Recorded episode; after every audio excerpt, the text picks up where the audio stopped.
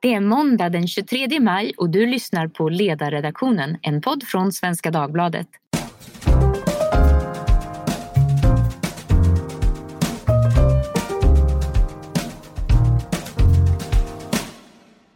Jag heter Maria Ludvigsson och idag ska vi tala om polisutbildningen. De sänkta kraven som innebär att det numera ställs lägre krav för att komma in på Polishögskolan än för att få göra värnplikten. För detta har jag med mig Johan Siverland, polisinspektör och något så ovanligt som en polisröst som säger att polisen inte behöver mer pengar. Välkommen hit Johan! Tack så mycket! I tisdags i förra veckan, den 17 maj, då kunde P1-lyssnare höra dig i P1 Morgon. Och dagen innan, den 16 maj, hade din debattartikel Vilka poliser vill vi ha? publicerats i Polistidningen. Och det är ju inte så ofta P1 Morgon hämtar sina skop från Polistidningen får man säga. Men din text var särdeles. I den kritiserar du hårt polisutbildningen och framförallt att antagningskraven sänkts. Du beskriver hur detta har lett till polisstudenter med lägre begåvningsnivå än tidigare och att studenter idag har sämre omdömesförmåga än tidigare. Det är ganska allvarligt. Men för att begripa detta då så låt oss börja med att tala om själva antagningssystemet, hur det ser ut. tror jag inte är så många av oss som egentligen vet, även om vi kan ha synpunkter på det. Så hur ser det ut och vilka krav är det som har sänkts? Så vi börjar antagningen, hur går den till i polisutbildningen? Ja, eh, den där eh, antagningsprocessen har ju förändrats eh, ett antal gånger genom åren, så det är faktiskt helt ärligt inte lätt att hänga med själv för ens för oss som jobbar i, i myndigheten. Men Eh, numera så, så, skickar man in en ansökan och det kan man göra när som helst på året. Till skillnad från tidigare, då var det vissa eh, bara perioder, två gånger per år, som man kunde söka inom en viss tidsspann. Men nu kan man skicka in sin mm. ansökan när som helst. Eh, och då får man, får man, svara på en eh, webbenkät. Eh, lite frågor mm. om hälsa och bakgrund och livet i övrigt. Och sen mm är det betygsfrågor också från grundskola eller sådär? Eh, ja, man, kan säga att man, jag, jag har inte gjort de här frågorna själv, så jag vet faktiskt inte exakt vilka frågor som ställs. Men det med hälsa och liksom eh, fysik och eh, sådana saker. Betyg, eh, betyg kollas nog, i alla fall om man ska tro hemsidan, så kollas betygen mm. av Plikt och prövningsverket. Ehm, så att man inte skickar in, förmodligen då kanske, om man ska vara lite spekulativ så är det för att man inte ska kunna skicka in förfalskade betyg, utan de kollas med den som ja. Eh, nej, men hälsa och fysik och personliga förutsättningar är väl det som man eh, får svara på. Eh, mm. Och eh, om man då anses liksom, ha, god, ha klarat eh, webbenkäten så, så eh, får man genomföra en en prövning, eh, alltså medicinsk och eh, psykologisk prövning. På, och det är på plats då? På Pliktverket, ja precis, på Pliktverket, eller Plikt och prövningsverket heter det idag. Mm. och då testar man dels medicinska förhållanden som hörsel och syn och man får göra olika, ett konditionstest på en sån ergometercykel. Man får göra ett mm. styrketest, man lyfter en en eh, stång som sitter fast i, i liksom en speciell apparat som gör motstånd och så beroende på hur hårt mm. man tar så får man ett, ett styrkemått på det. Så att säga. Mm. Um, och sen så gör man då lite olika teoretiska tester, bland annat det här uh, uniktestet som det heter, som uh, bedömer begåvning. Och hur ser det ut? För det är ett sätt att mäta begåvning på. Förr sa man IQ-test. Ja. Är det ett sånt? Och hur, hur mäter det? Mm. Uh, jag vet, alltså IQ-tester har jag liksom generellt lite eh, skepsis kring, för det finns ju olika saker som, som skulle kunna vara IQ. Men, men det här uniktestet, jag har själv gjort ett sånt här i början på året och det, det mäter liksom olika eh, vad ska man säga, problemlösningsförmåga, olika logiskt tänkande, problemlösningsförmåga, sådana saker. Eh, då är det liksom det först, liksom ett verbalt eh, test och sen är det två icke-verbala. Man ska liksom man testar logiska områden, spatial, spatialt tänkande, så här, vika, vikta figurer ska man vika upp i huvudet och se hur de ser ut. Och när man har gjort det här, man har 80 minuter på sig att svara på det här testet och sen när man har gjort det så, så räknas resultatet ihop till, till en, eh, ett, ja, eh, från 1 till 9 på en, på en skala. Och då är 9, 9 är det bästa och 1 är det sämsta. Eh, och sen då så, ja, man får ju lämna olika prover som man ser att man inte har droger i kroppen till exempel som man inte kan förklara med något läkarintyg eller liknande. Omdömet ska man ju också mäta. Det tycker jag låter svårt. Hur går man tillväga då? Eh, det är en bra fråga. Eh, jag tror att det blir en mm. sammantagen mm. del, framförallt i psykologintervjun, att man, man provar ja, den sökande då, mot olika situationer och så får man liksom förklara sig. Så fick jag göra i alla fall. Man, man sätter den sökande ja. olika dilemman och så får man försöka förklara hur tänker jag och hur resonerar jag. Och man på det sättet liksom kan visa eh, ett omdöme. Och, och, och, för mig, om, det, om den här psykologintervjun liknar den jag hade så var det, liksom, det är omöjliga situationer eh, där man, liksom kan, man kan räkna ut att vad jag än svarar så kommer det finnas en fortsättning som gör att det blir fel och så får man liksom landa i hur gör jag då? Men det här är mer teoretiskt kan man säga då i mm. själva mm. antagningstillfället. Det är inte så att man övas i en grupp och sådär utan det här ställs man inför eh, mer som ett frågeformulär kan man säga då i själva antagningsprocessen. Ja, hur menar du med frågeformulär? Man sitter, det är inte så att man är ute och, och testar i en grupp och provar vad, vad skulle hända om det här att man har en, ett scenarium utan Nej. det är faktiska frågor som man får svara på. Ja, precis. Man gör ju den här processen som, som enskild person. Och de här två eh, går man igenom då och, mm. och de här kraven har alltså sänkts. Men vilka krav är det som har sänkts? Det har tydligen sänkts flera gånger dessutom genom ja, åren. Det har sänkts flera gånger. Ja, kan du beskriva det, vad som har hänt? Ja, eh, man tar begåvningstestet då, det som har väckt kanske mest uppståndelse i både sociala medier och nationella medier. Så, så var ju tidigare var kravet en fyra på den här niogradiga skalan. Eh, eh, man brukar säga att en normalbegåvad person hamnar mellan fyra och sex på den här skalan. Då sänkte man det här då, 2016 till eh, en trea på den här niogradiga skalan. Eh, och det som har hänt nu då, det är att man Eh, fortfarande har kvar det som en trea, men man har ändrat vilken grupp man kontrollerar resultaten, alltså vilken grupp man jämför resultaten med. Eh, tidigare har man jämfört med en grupp från 2003 som gjorde testerna 2003. Så det är alltså, man har jämfört med samma grupp i 19 år fram till nu i år eh, när man börjar jämföra med en annan grupp och, eh, som dels är större men som har gjort testerna senare. Eh, och skillnaden med de här två grupperna, förutom storleken, alltså antalet personer, är att den sista gruppen och senaste gruppen har presterat sämre på det här begåvningstestet än den tidigare gruppen. Och det gör ju per automatik att det blir lättare att få en trea än Precis. Ja, för det beror på vem man jämför sig med kan man säga. Ja, om jag skulle jämföra min mm. fysiska förmåga med en eh, polis från nationella insatsstyrkan så skulle jag få en etta. Men om jag skulle jämföra en, ja. en, en, en eh, rullstolsbunden 200 kilo tung människa så skulle jag kanske få en nia. Och det är lite samma sak. Mm. Det är en relativ skala kan man säga. Ja. Och vilka krav är det mer som har sänkts då? Um, ja, nyligen, det var väl förra året tror jag, så tog man bort uh, kravet på eh, betyg i historia till exempel. Det har man tyckt var omodernt. Eller hur man nu formulerade sig, men man tyckte inte att det var relevant längre.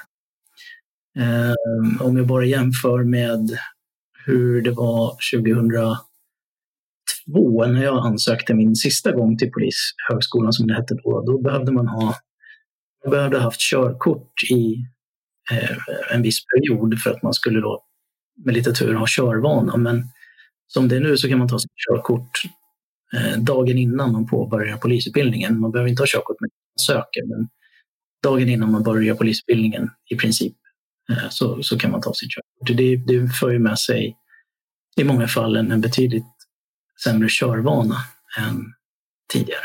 Det låter dystert. Eh, det, så instinktivt så känns det som att det är väldigt mycket som har förändrats och mycket som har förändrats på ett felaktigt sätt men man inte riktigt har känt till det. Men vi kommer till det lite längre fram sen, hur det har kommunicerats. Jag tänkte först eh, höra med dig, vad, vad, skulle du säga att de här sänkningarna har lett till, din, den utsträckning man kan se det?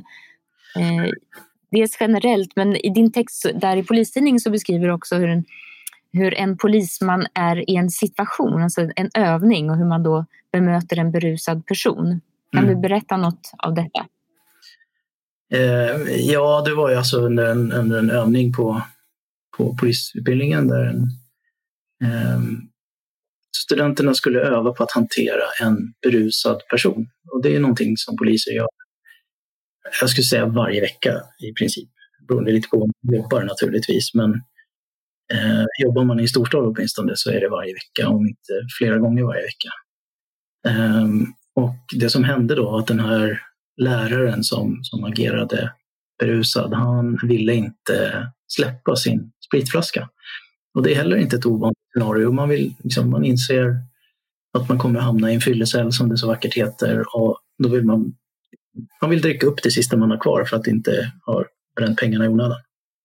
Ehm, och då blev den här läraren skjuten av en student för att studenten resonerade som att eh, flaskan utgör ett livsfarligt vapen. Ehm, och, eh, så.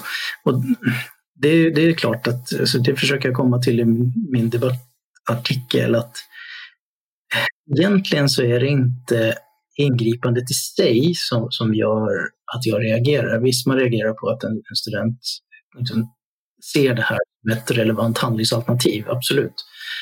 Eh, men, det som, men problemet är att sen händer ingenting. Eh, därför att i takt med att de här testerna för att komma in på polisutbildningen har justerats och i många fall justerats nedåt så har inte polisutbildningen och aspirant, alltså fortsättningen på den här personens resa mot att bli en fungerande polis har inte anpassats för det. Om, om, man, sen, om man tar körkortskravet som exempel. Då. Om man tidigare ställer krav på körkortsvana eller körvana genom att ha, man ska ha haft körkort ett visst antal år. Det säger i och för sig inte att alla per automatik har körvana. För Bor man in i stan så kan man åka Stockholm så kan man åka tunnelbana i fem år och så har man haft sitt körkort. Men det ökar ju eh, chanserna åtminstone att en person har, har kommit förbi körningsstadiet. Men då hamnar vi i situationen nu där utbildningen har inte anpassats till, det, till, det nya, till den nya omständigheten. Att man kan ta sitt körkort dagen innan man börjar utbildningen. Eh, utan Just det, den kompenserar inte för det som man tidigare ställde frågor om man redan hade gjort. Nej, precis. Och då hamnar vi där att när man kommer till, man börjar köra bil under utbildningen redan, det skiljer sig förmodligen lite från olika lärosäten, men på Södertörn så börjar man köra i termin två åtminstone. Och i termin tre så börjar ju vissa examinerande moment där man ska köra polisbil så som folk gemen tror jag föreställer sig att man kör polisbil, alltså väldigt fort och man ska göra bra omkörningar och man ska kunna eh, ja, man ska ta sig fram på ett snabbt och säkert sätt. Eh, och det här är olika moment som examineras. Och då hamnar vi nu i situationer där en student som kanske haft körkort i tio år förväntas prestera på samma sätt som en student som har haft körkort då i knappt ett år. Eh, då kan man ju tycka att det är lite orättvist mot den studenten som har körkort i ett år och har åkt tunnelbana, pendeltåg eller buss i det här året. Eh, den studenten ges ju inte samma förutsättningar för att själva utbildningen är inte anpassad för att få upp den här studenten till, till samma nivå som man kunde tänka sig att man behövde tidigare. Så, och det är den helheten som jag menar, den håller inte ihop. Varför sänkte man de här kraven och hur kommunicerades det? Ja, det får man nästan fråga Polismyndighetens ledning om varför man sänker kraven. Mm. Men, men det, det, är inte en, det är inte en vild gissning att, att det har att göra med eh, riksdag och regeringskrav på att Polismyndigheten ska växa. Eh. Kom det i samband med det? Kan man se, om man tittade på det, skulle man kunna se att det är som ett svar på kraven eller önskemålen från politiskt håll? Där man i och för sig också skickar med en del pengar, men att det ska vara så här många fler poliser år då och då det kommer i och med detta? Ja, alltså det, den sista förändringen i begåvningstestet här nu som man inte har kommunicerat överhuvudtaget, den kommer ju strax efter eh, att en forskargrupp har uttalat sig om att Polismyndigheten kommer inte kunna uppnå målet om 10 000 fler polisanställda. Det betyder inte 10 000 fler poliser. Eh, det kan vara allt från noll till 10 000 poliser. Eh, men strax efter de presenterade sin rapport i höstas, någon gång, eller tidig höst, Eh, att det är statistiskt omöjligt att uppnå det här målet. Eh, och Polismyndighetens HR-direktör sa att det klarar vi visst det. Och sen strax efter det, ett par månader efter, så, så justerar man den här kontrollgruppen som man jämför begåvningstestet mot. Eh, så det är, klart, det är klart att det sitter ihop och man, det behöver man kanske inte ens gissa sig till. Nej. Och hur kommunicerade man det? Förklarade man varför man gjorde det? Eller?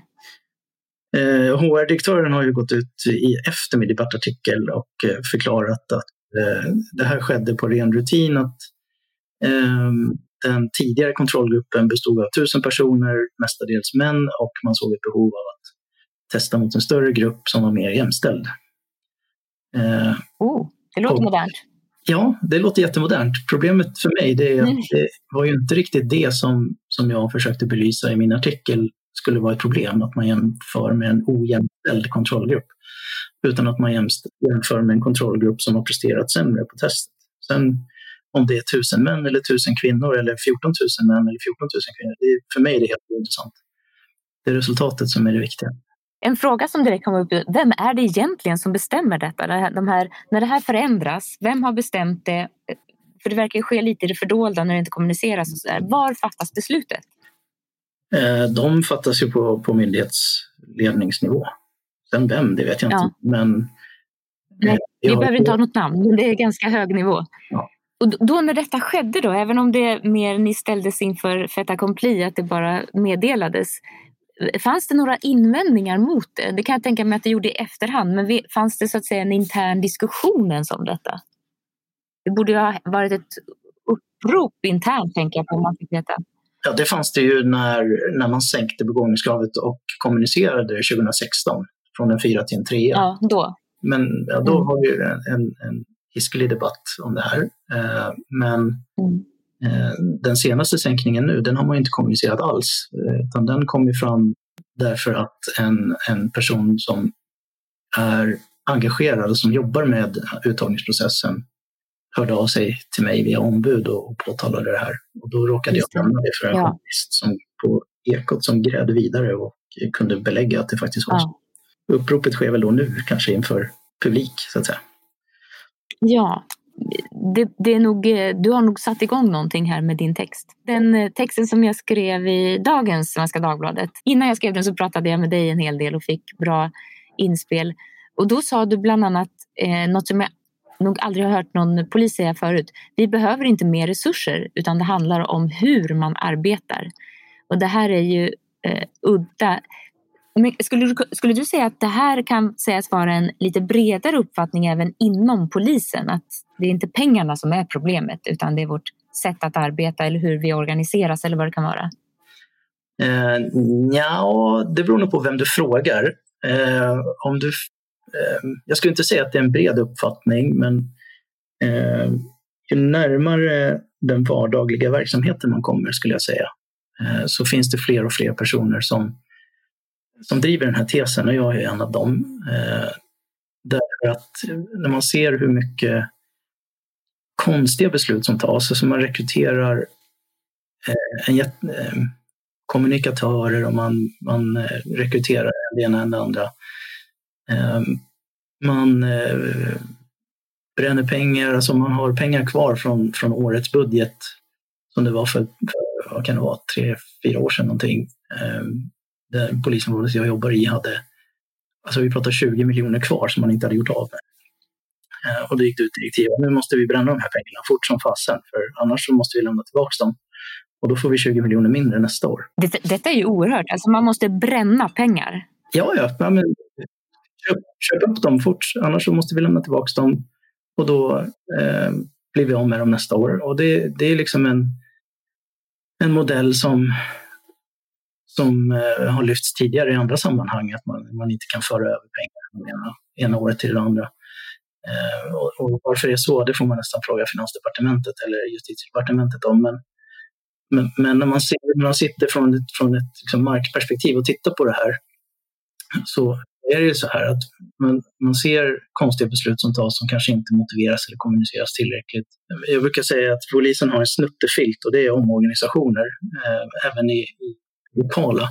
När någonting inte fungerar, eh, man tycker vi får inte ut, vi hinner inte med, vi får inte effekt. Då gör man en omorganisation och samtidigt så äskar man mer resurser, fler anställda. Men man ställer sig inte frågan, vad gör vi med den personalen vi har?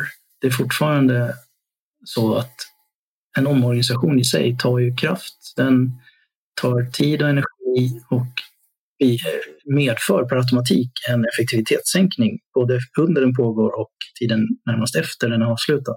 Därför så säger jag att vi behöver nog inte framför allt mer resurser. Eh, inte förrän vi har städat framför egen dörr och, och verkligen se till att vi jobbar på rätt sätt med de, med de resurser vi har. Och det gör vi i mångt och mycket inte idag. Nej, det har ju varit en... Samtliga partier har nästan bjudit över varandra i hur generös man vill vara just mot Polismyndigheten. Så det, sånt kan ju stressa vilken organisation som helst. Men frågan blir också då om man säger att vi, ska an, eh, vi borde arbeta på ett annat sätt eller mer effektivt. Hur, hur skulle det kunna vara annorlunda menar du och dina kollegor? Ni som är i verkligheten.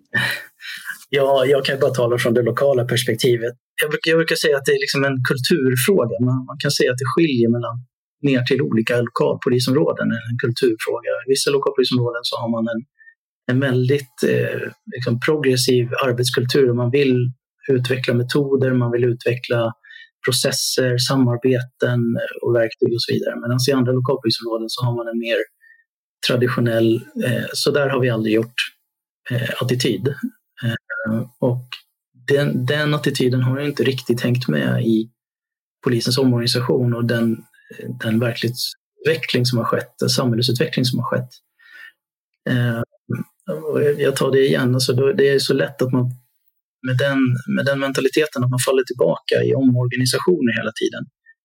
Eh, man tror att flytta Kalle från grupp 1 till grupp 2, det löser problemet. Men det är fortfarande samma personer som ska göra samma jobb oavsett vilken grupp de jobbar i. Ehm, jag tror att man behöver fundera på och kanske ifrågasätta lite grundhypoteser. Ehm, jag kan ta eh, Stefan Holgersson som exempel. En, en eh, torde vara en rätt massmedialt känd eh, polis, tillika forskare. Han är alltså en erfaren polisinspektör. Jag vet inte hur länge han har jobbat, men han har väl jobbat över 20 år i alla fall. Um, han har ju ägnat i princip hela sin poliskarriär åt att försöka förbättra, eh, uppmärksamma saker och ting som inte funkar för att man ska kunna göra någonting åt dem. Han åker runt och hämtar övervakningsfilmer idag. Det är hans jobb.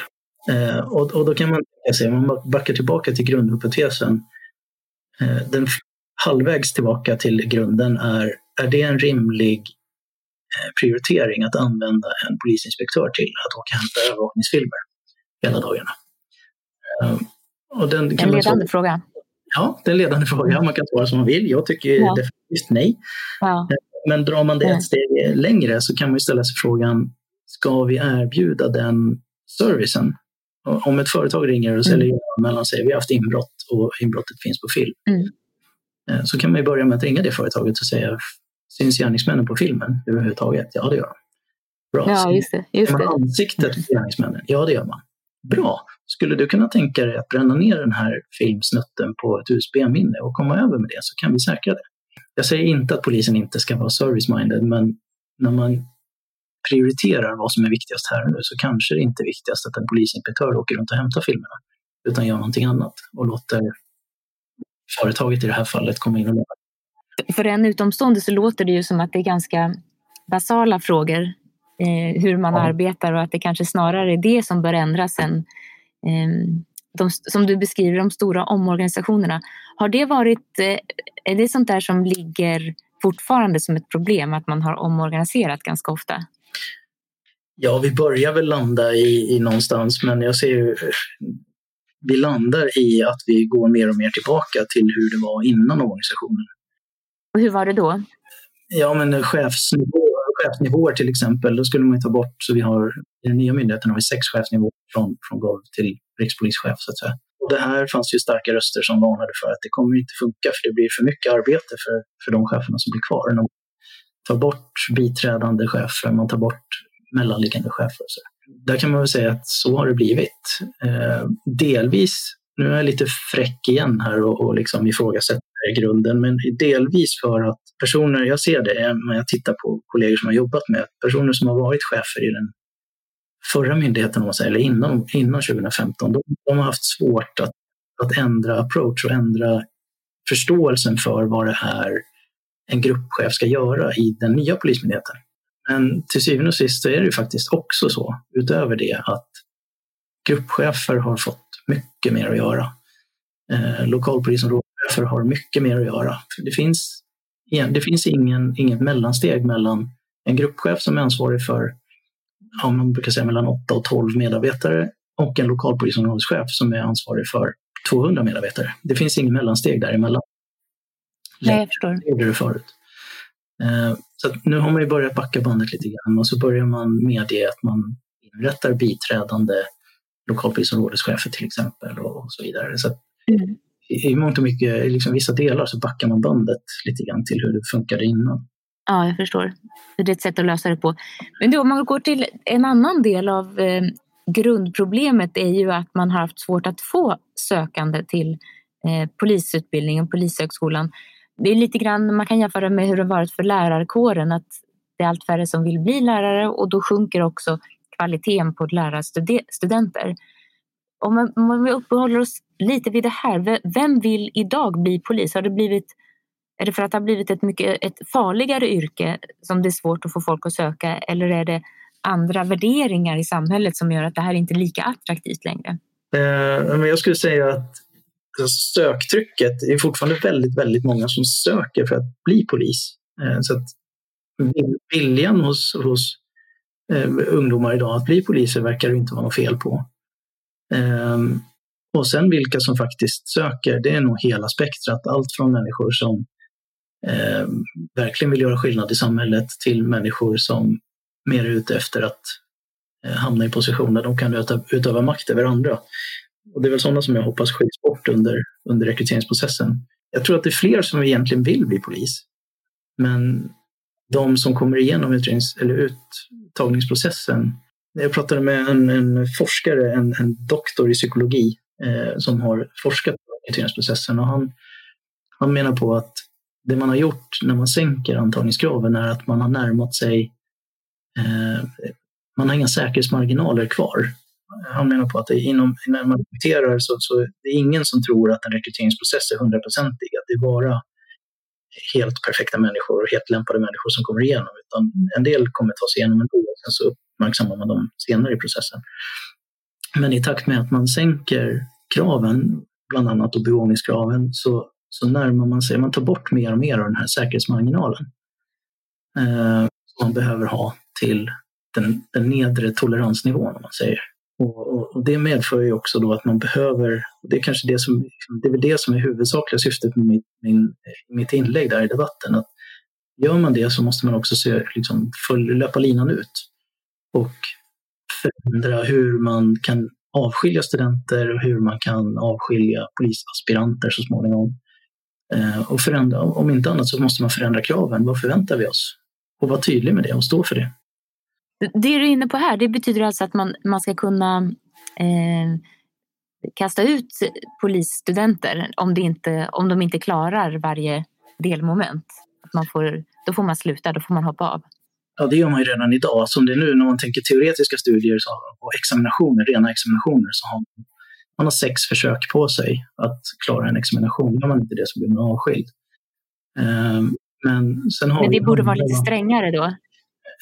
Ja, kanske inte i den delen. Det, det, kan, det kan jag stå ut med. Men just människor som ertappas med att fuska, då, då kan man tycka att den här personen har uppvisat en, en personlighetstyp som gör att vad, vad händer sen i, i det, den, det, verkliga livet så att säga när, när saker och ting inte går eh, som man vill? Eh, då har man liksom visat en, en personlighetstyp, en, en inställning som gör att då kan man hitta på saker då också. Eh, och det, det finns... Ja, det säger något om karaktär. det säger något om karaktären och det finns ju rättsfall på, eller pågående ärenden om det nu. Det är två ärenden på södra halvan av landet eh, i alla fall.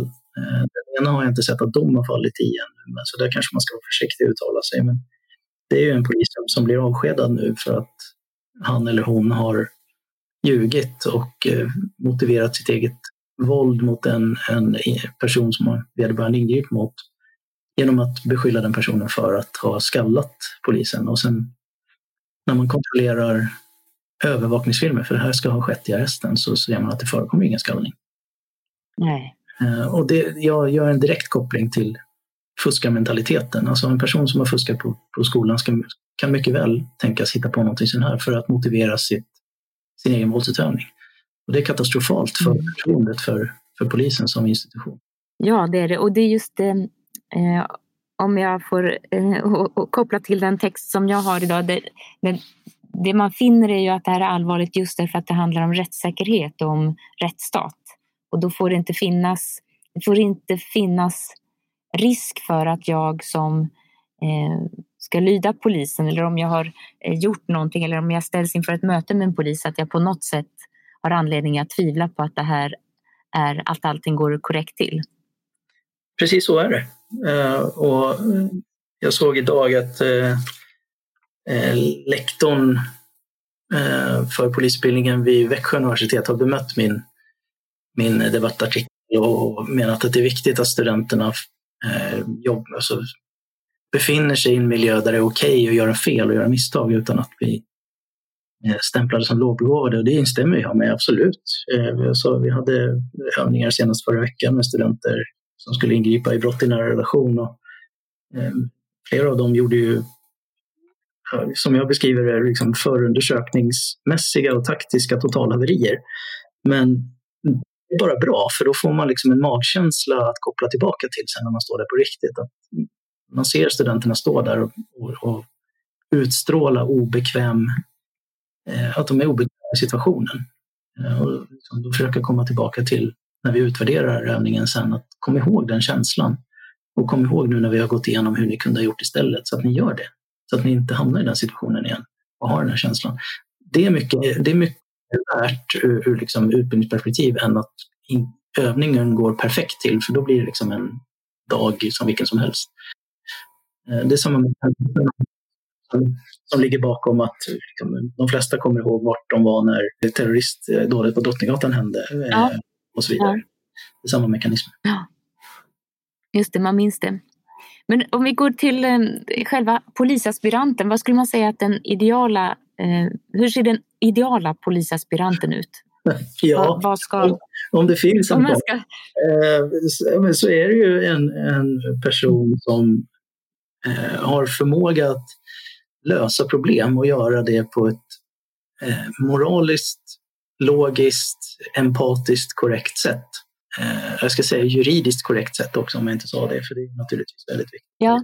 Poliser hamnar ju i, i uppsjö av olika situationer som man liksom, innan man började jobba aldrig ens kunde föreställa sig att folk kunde bete sig på det sättet eller att sånt här kunde hända. Men, och då gäller det att man har en grundförmåga att faktiskt kunna dels tillämpa den teoretiska juridik som man får lära sig under polisutbildningen, men också att man själv som person i, grunden har förmågan att liksom, tänka logiskt. Hur ska vi lösa det här?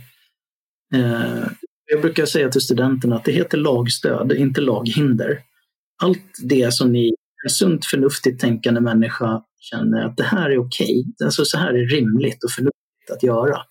Det har ni lagstöd för, någonstans. Eh, och då gäller det att under utbildningen försöka få dem att, att lära sig de mest vanligt förekommande lagstöden naturligtvis. Förr eller senare så kommer man att hamna i situationer som går helt utanför det här eh, som, som ingen har kunnat förutse. Och då gäller det att man liksom kan lösa det. För det finns ingen annan som magiskt bara kan ploppa upp om polisen säger det här klarar inte vi, vi åker härifrån. Då finns det ingen annan som kommer komma dit och säga då löser vi det här. Utan... Nej, jag förstår det. Och just att det måste, man måste vara beredd på att det uppstår situationer som man aldrig har varit i tidigare och att man ändå kan ha en sorts eh, naturligtvis en, en, ett lugn och ett eh, självförtroende men också någon sorts metod som man har lärt sig då, som faktiskt bara Precis. poliser kan och som man får ägna år åt att lära sig. Att det finns metoder även för det här. Även Precis. om man, man, kan inte bli rigid, men det, att det finns, även där finns det teori och metod. Ja, och det får man lära sig under polisutbildningen, till exempel om man pratar taktik, att man får lära sig ett antal olika taktiska grundprinciper. Men man får också lära sig att i vissa fall så, så behöver man göra medvetna avsteg från dem. Men då ska man känna till att den här, nu gör jag ett medvetet avsteg och det gör jag för att lösa problemet som har uppstått här och nu, som inte liksom faller inom grundlagen. En, en avslutande fråga som, är, som du får svara både som eh, eh, eh, yrkeskunnig men också som eh, allmän eh, en privatperson. V vad skulle du säga att allmänheten har för bild av poliser idag? V vad tycker, skulle en Svensson säga om så här är en typisk polis? Ja, är det positivt eh, eller negativt?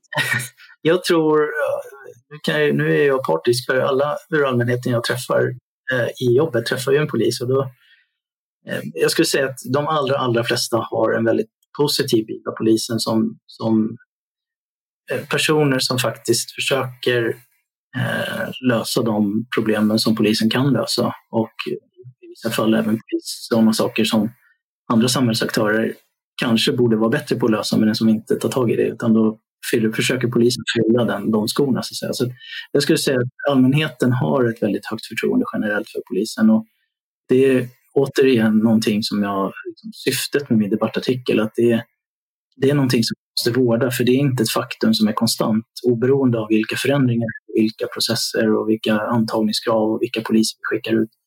Det är någonting som vi måste vårda och det måste vi vårda varje dag, precis som jag undrar om det inte var du som sa det i tidigare avsnitt av podden, att man ska, man ska respektera institutionen.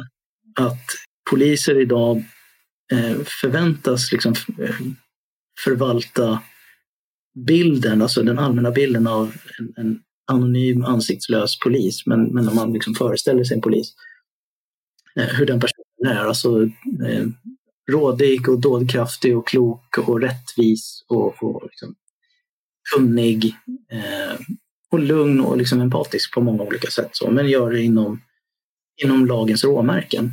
Det, det tror jag är A och O. Det tycker jag var en formidabel eh, avslutning på den här podden. Jag hade några frågor till men det här var så bra avslut så jag tror vi, vi nöjer oss här. Tack så mycket Johan för att du var med. Och, och lycka till med, din, eh, med ditt arbete. Både det du gör till vardags men också detta att försöka få polis, men kanske framförallt politiker att förstå att det man absolut inte behöver mest av är pengar utan arbetsro. Ja, så skulle man kunna sammanfatta det. Syftet med det här är att med min debattartikel är ju faktiskt inte att liksom kritisera polisutbildningen som sån, för polisutbildningen gör det polisutbildningarna kan, alltså lärosätena, med det materialet de får, alltså de studenter de får.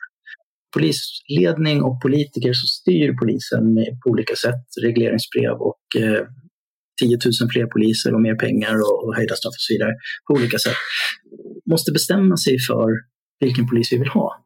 Eh, vill vi helst ha jättemånga nya poliser, även om de är eh, mindre lämpade, eller fler av dem än tidigare, är mindre lämpade och gör fel, begår rättsövergrepp och, och så vidare, än vi har gjort innan.